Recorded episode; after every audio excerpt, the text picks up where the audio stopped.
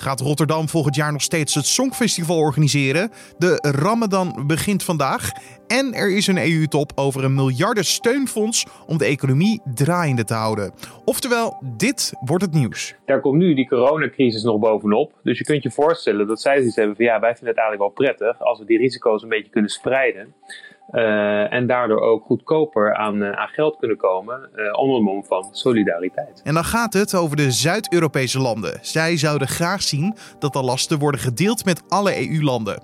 Er heerst echter grote verdeeldheid over het steunpakket. Maar wie weet komt er vandaag toch meer duidelijkheid tijdens de EU-top. Straks meer hierover met politiek verslaggever Edo van der Groot. En eerst kijken we kort naar het belangrijkste nieuws van nu. Mijn naam is Carne van der Brink en het is vandaag donderdag 23 april. Immigratie naar de Verenigde Staten is tijdelijk opgeschort vanwege het coronavirus. De Amerikaanse president Donald Trump heeft hiervoor een decreet ondertekend. Om onze geweldige Amerikaanse werkenden te beschermen, heb ik zojuist een decreet ondertekend die immigratie naar de VS tijdelijk opschort. Dit zal ervoor zorgen dat Amerikaanse werklozen van alle achtergronden vooraan staan in de rij voor banen zodra onze economie weer draait. Aldus Trump tijdens een persconferentie. De regel geldt zeker 60 dagen, maar mogelijk wordt de maatregel daarna verlengd of aangepast.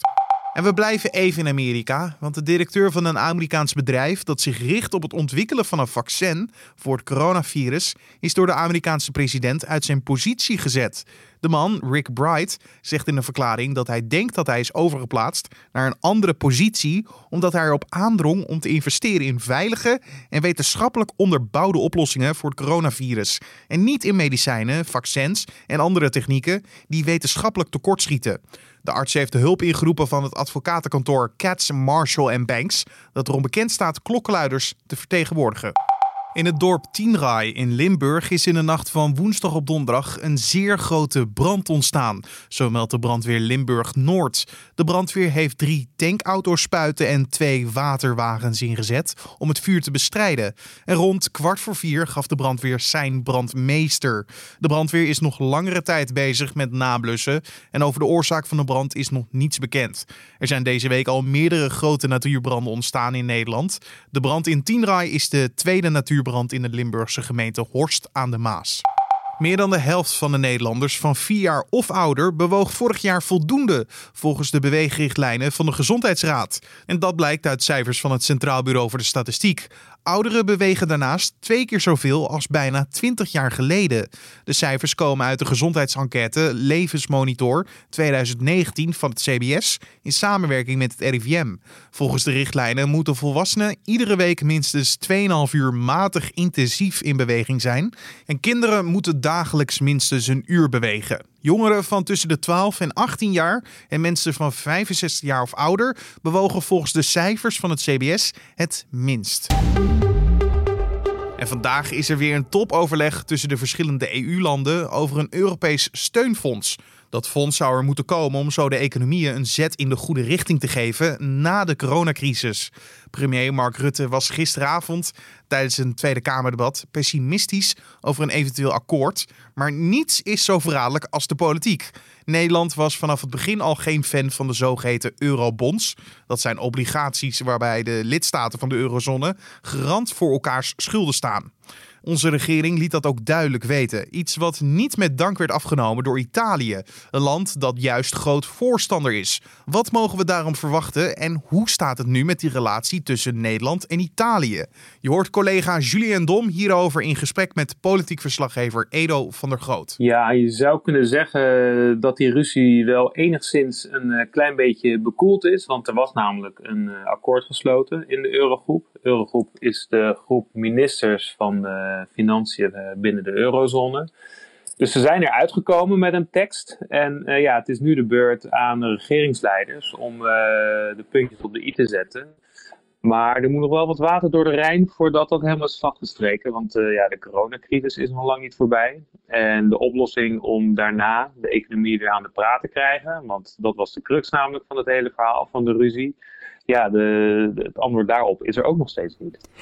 Is er dan wel een soort van uh, ja, gezamenlijk optreden qua het idee van Nederland, hoe wij erin staan? Of zijn wij alleen in ons, onze manier van hoe dat geld besteed zou moeten worden? Nou, er zijn eigenlijk verschillende dingen. Kijk, er zijn uh, verschillende Europese uh, potjes met geld. Uh, dat versimpel ik het heel erg, maar dat is misschien, maar, misschien maar even prima ook. Verschillende potten met geld en bij opgeteld zou dat op zo'n 500 miljard euro uitkomen. Dat ligt er maar net aan hoeveel waarover gebruik van gemaakt, waar gebruik van gemaakt wordt. Ehm, maar er is nog iets, en dat gaat eigenlijk om een heel principiële discussie binnen Europa. En dat is de vraag moet je met alle landen bij elkaar garant staan om bijvoorbeeld leningen aan te trekken. En dat is iets wat de zuidelijke landen willen, en Frankrijk ook volgens mij.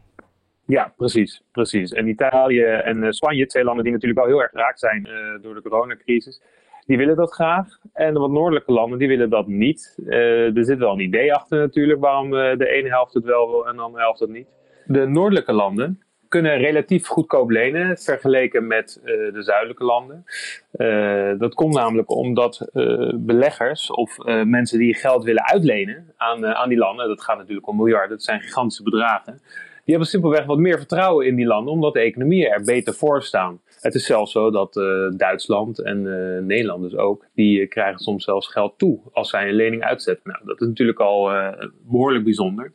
De Zuid-Europese landen, ja, die, die, die kampen met wat hogere staatsschulden. De, de Italië heeft bijvoorbeeld moeite om de economie te laten groeien.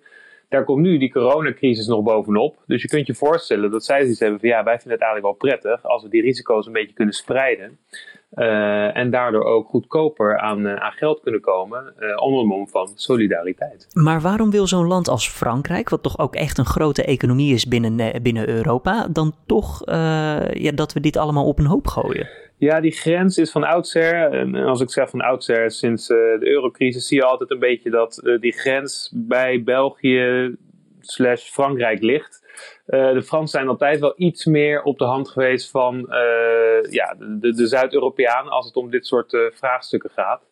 en die hebben zich ook echt uitgesproken om bijvoorbeeld die eurobonds, hè, dus het gezamenlijk uitgeven van schuldpapier. Dan is elk Europees land is dan een beetje verantwoordelijk voor schulduitgifte.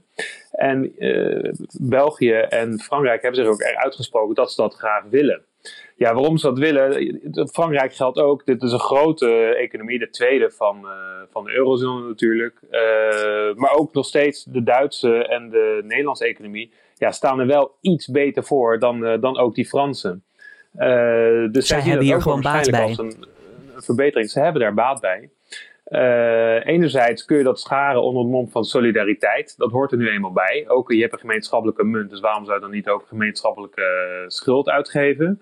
Uh, dat is een heel economisch vraagstuk, maar inderdaad een maatschappelijk en ethisch vraagstuk is ja, eh, die Italianen en de Spanjaarden moet je natuurlijk nu helpen, want ze hebben te kampen met zo'n grote crisis, met zoveel doden. Die kun je namelijk, die kun je natuurlijk niet alleen laten staan.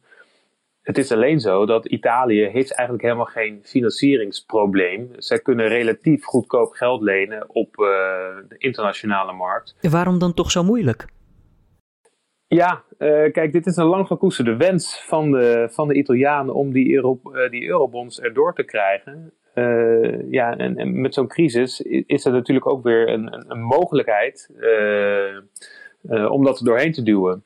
Maar nu moet ik er wel bij zeggen dat die eurobonds, die komen er niet. Dat is wel, uh, dat is wel duidelijk. Nederland gaat daar nooit mee akkoord. Uh, en de Duitsers eigenlijk ook niet. en als Duitsland ergens nee tegen zegt, dan, dan gebeurt het in principe niet. En er zijn ook nog andere landen zoals Finland en Oostenrijk, die zien er ook helemaal niks in. Dus die eurobonds, die kun je eigenlijk ook wel vergeten. Dat is de discussie ook helemaal niet. Oftewel, de verdeeldheid wat dat betreft is gewoon veel te groot daarover dan. Nou, de discussie gaat eigenlijk om iets uh, wat daar eventueel op zou kunnen lijken. En uh, dan, wordt het een beetje technisch. Maar in de laatste eurogroep, dus uh, in dat akkoord wat toen is gesloten, in de tekst die ze naar buiten hebben gebracht, stond iets in over een recovery fonds. nou, laten we gewoon een steunfonds noemen. Uh, een nog op te richten steunfonds, uh, waarin uh, landen ja, geld storten als het ware, of garant staan voor, voor bedragen om uiteindelijk de economie na de coronacrisis ja, zo goed mogelijk weer aan de praat te krijgen. Maar dit klinkt bijna hetzelfde als een eurobond. Nou ja, dat, uh, there you go, zou ik bijna willen zeggen. Uh, klopt inderdaad. En je staat dus met ook de noordelijke landen garant voor het geld wat in de zuidelijke landen wordt besteed. Nou, het punt is natuurlijk dat dit, dit staat omschreven in, uh, in die tekst. Dus het fonds bestaat nog niet. we weten ook nog niet hoe het eruit ziet. Maar die Zuid-Europese landen die wisten al gelijk te melden dat het inderdaad wel om een gemeenschappelijke schuld gaat. Dus iets wat op eurobonds lijkt. In Nederland valt weer te horen zeggen, ja jongens, dat klopt helemaal niet. We weten nog helemaal niet hoe dat eruit ziet. We hebben meer gezegd van, kunnen we niet zoiets gaan uitwerken. En dat is uiteindelijk aan de Europese Commissie en de Europese Raad uh, om dat uit te werken. En daar moet uiteindelijk consensus over worden gevonden. Dus het is een beetje de vraag hoe dat wordt uitgelegd. En dat is vaak met dat soort teksten en zo'n akkoord als verschillende partijen het eens moeten worden. Uh, ja, dat moet op meerdere manieren uitgelegd kunnen worden. En dat is ook precies wat er is gebeurd. Uh, Bob Hoekstra, de minister van Financiën in Nederland, heeft gezegd er komen geen eurobonds en het is ook dat, uh, dat, dat, noodfonds, dat hulpfonds, is ook niet iets wat erop gaat lijken. Dat maken andere landen ervan. En de Franse minister die zei precies tegenovergesteld. Die zei: Dit is gemeenschappelijke schuld. Uh, en uh, dat, dat, dat lijkt er inderdaad wel op. Het is maar hoe je het spint hè, in de media. Ja, dat spelletje wordt, wordt altijd wel gespeeld direct na zo'n eurotop. Zeker. Zeg, zou je dan uh, nu eigenlijk kunnen zeggen, als we dit zo horen, deze tekst zo, aanhoren van jou ook, dat de EU valt of staat bij solidariteit? Want daar komt het nu dus wel weer op neer. Ja, het is een beetje de vraag of, uh, of dat inderdaad zo is. Kijk, opnieuw de Fransen die hebben al een beetje een schot voor de boeg gegeven. Die stonden, de, de, Franse minister van Financiën stond deze week in een aantal Noord-Europese kranten, gaf een interview en die had gezegd dat als we Italië in de steek laten, dat het einde van Europa betekent. Nou ja, dat, dat zijn nogal grote woorden. Hè? En uh, dat is natuurlijk een beetje om het vuurtje op te stoken, om een beetje de geest rijp te maken. Van, ja, we moeten inderdaad met z'n allen solidair zijn.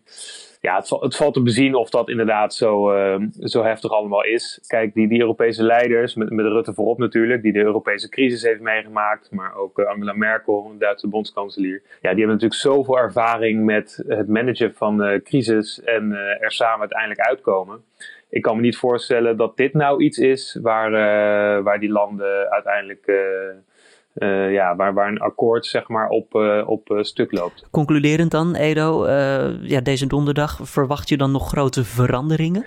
Nou, het is wel spannend wat er uiteindelijk, hoe het wordt opgeschreven, waar ze, waar ze mee aan de slag gaan. Kijk, dat fonds zal nog niet gelijk uh, in de stijger staan na zo'n Europese top. Ze moeten eerst kijken van hoe komt dat eruit te, te zien. En de grote vraag, in hoeverre gaan we garant staan voor elkaar. Dus dat zal ook waarschijnlijk in, uh, in een tekst worden gegoten waarvan je kunt denken van oké, dat, lijkt op, uh, op iets gezamenlijks. Maar uh, anderzijds moet het ook uitgelegd kunnen worden dat het een ja, niet meer dan logische solidariteit is waar wij niet, waarbij wij niet garant of verantwoordelijk zullen zijn voor de schulden van de Italianen of de Spanjaarden. Uh, dus dat is even afwachten. Ja, er wordt vanuit Brussel altijd gezegd van uh, dat kan, kan, binnen een paar uur kan zo'n Europese raad voorbij zijn. Maar voor hetzelfde geld praten ze de hele nacht verder. Dat is de laatste keer bij de Eurogroep gebeurd. Dus wat dat betreft is daar nog geen pijl op te trekken hoe laat het wordt. Dat was Edo van der Groot, politiek verslaggever bij nu.nl, in gesprek met mijn collega Julien Dom. En dan kijken we nog even wat er verder op de agenda van vandaag staat. Vandaag besluit de stad Rotterdam of die het Eurovisie Songfestival in 2021 wil organiseren. De versie van dit jaar werd al afgelast vanwege de coronacrisis. En zeker is dat Nederland het in 2021 weer mag organiseren. Maar of Rotterdam dat nog steeds wil, is nog niet zeker. Dat hangt ook af van bijvoorbeeld de financiën en andere evenementen op de agenda.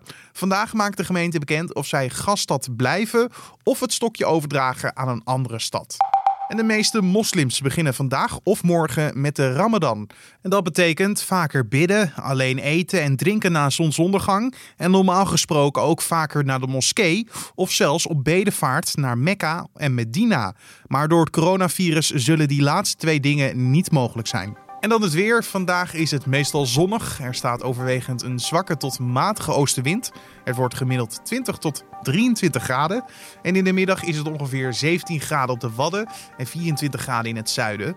In de loop van de middag trekt er wel sluierbewolking over het land vanuit het noordwesten. Later op de dag komt er aan de kust een noordenwind vanaf de zee, waardoor het er sterk afkoelt. En om af te sluiten nog even dit. Er is een film in de maak die gaat over het leven van de in 2012 overleden Whitney Houston. Net als andere populaire biografiefilms als Bohemian Rhapsody over Queen en Rocketman over Elton John, zal de muziek van de zangeres een grote rol spelen. Al dus Deadline. De film heeft voorlopig de titel I Wanna Dance With Somebody. De erfgenamen van Houston hebben toestemming gegeven voor het maken van de film en zullen ook in de rol van producent betrokken worden bij het proces. Houston brak door in 1985 en scoorde talloze hits, waaronder.